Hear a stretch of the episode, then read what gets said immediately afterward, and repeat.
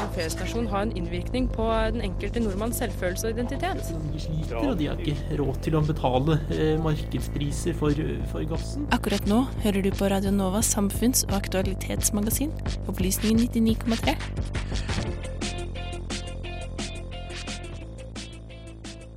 Men nå over til svake klimaavtaler. Bekjempelse av global oppvarming har vært på den politiske agendaen i en årrekke. Men det er i stor grad liten vilje til å inngå internasjonale klimaavtaler som forplikter. Og avtalene generelt eh, er for svake. Hvorfor er det sånn når det aldri før i vår tid har vært mer eh, kritisk i forhold til å eh, verne om klima? I studio har vi fått med oss en som har forsket på akkurat dette. Hei, og velkommen til deg, professor i økonomi ved Universitetet i Oslo, Bård Harstad. Tusen takk. Takk for invitasjonen. Um, du har jo forsket på svake klimaavtaler. Eh, vil du si litt først om eh, hva din forskning generelt sett går på? Ja, for um, Eh, egentlig så har jeg forska mer på sterke klimaavtaler. Okay. For eh, samfunnsøkonomer eh, har eh, en lang tradisjon for å prøve å finne ut hvilken slags politikk som er den beste politikken som eh, politikerne burde gjennomføre. Og F.eks. på eh, internasjonale miljøavtaler, og klima spesielt, så, så, er det ideelle en avtale. Det er en internasjonal avtale som forplikter, som er bindende, og som påfører sanksjoner på de landene som ikke gjennomfører sine forpliktelser. Um, så vi veit ganske mye om hvordan en sånn ideell avtale burde se ut. Mm. Og det er forska mest på.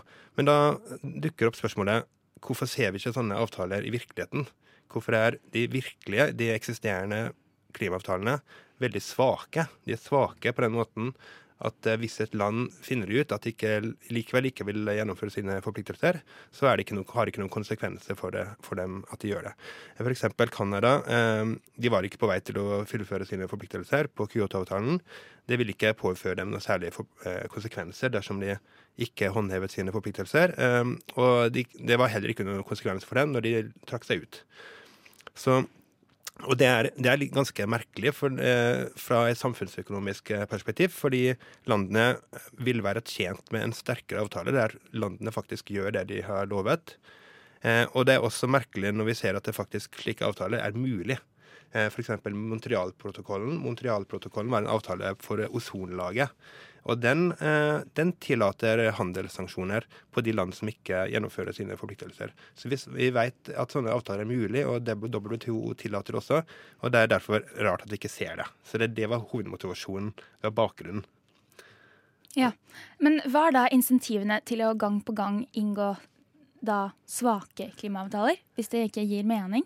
Nettopp. Det var forskningsspørsmålet vårt. Eh, og da For å studere det så kombinerte vi samfunnsøkonomi med statsvitenskap, eller politisk økonomi, der politikerne er også aktører i eh, de økonomiske modellene, i, spillet.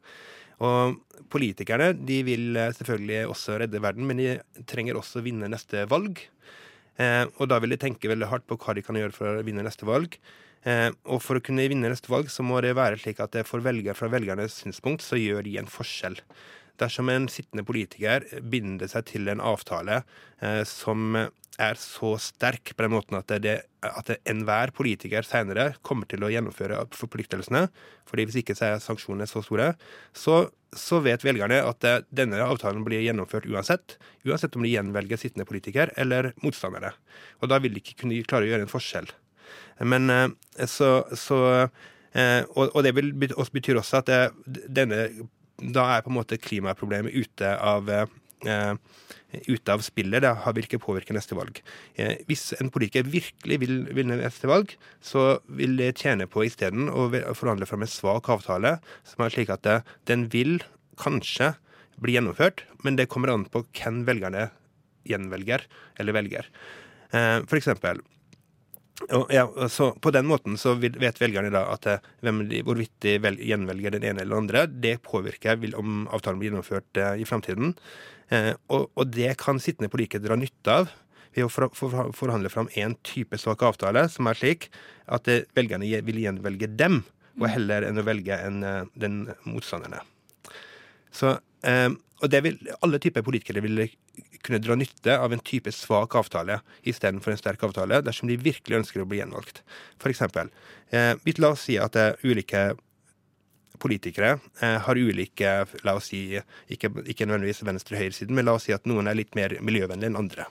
Det mest miljøvennlige partiet, vil, hvis de virkelig vil vinne neste valg, så vil det eh, forhandle fram en avtale som er ganske svak, eh, og har en lav sanksjon dersom man ikke gjennomfører sine forpliktelser. Og så lav at det, det motstanderne, som er det mindre miljøvennlige partiet, de kommer ikke til å finne det i sin interesse å gjennomføre forpliktelsene. Så da vet velgerne at hvis de ønsker denne avtalen til å bli gjennomført, så må de gjennomvelge sittende miljøvennlige partier. Ehm, så, og hvis da denne sanksjonen er tilstrekkelig høy, slik at velgerne foretrekker å gjennomføre eh, avtalen, selv om motstandspartiet ikke vil det, så vil eh, sittende partiet få flere stemmer og øke sin sannsynlighet til å bli gjenvalgt. Men det merkelige er at Men det, ja. eh, vil eh, Så politikere kan ikke løse klimaproblemet? Er det, er det sånn det er? Um, um, det, det, det, det de, de, kan løse det, men det vil komme på bekostning av neste valg. Så, så, kan, eh, så sittende politikere kan f.eks. Eh, binde seg til en veldig sterk avtale som, gjør, eh, som binder neste type parti også, uansett hvem som vil vinne neste valg. Men det det, de, de, de, kan gå på bekostning av valget. De kan tjene på å ha en, i stedet en svak avtale som gjør at de utgjør en forskjell. Um, og da blir det en avveining for sittende politikere. Hva er viktigst? Er det viktigst å ha binde neste politikere og ha en sterk miljøavtale, eller er det viktigst å vinne neste valg? Um, men uh, jeg leste på noe av det du har publisert, at det spesielt er demokratiske land som har den type utfordringer. Hvordan er det med den demokratiske styreformen som bidrar til at det er lettere å inngå svake avtaler? Ja, så det som uh, dette denne motivasjonen til å forhandle fram en svak avtale, slik at man gjør en forskjell, den oppstår når det er viktig å vinne et valg. Når du, når, når du må appellere, når du er usikker på om du kommer til å bli sittende. Men og hvorvidt du kommer til å bli sittende, det, det er noe du kan påvirke gjennom den avtalen og annen type politikk som du gjennomfører.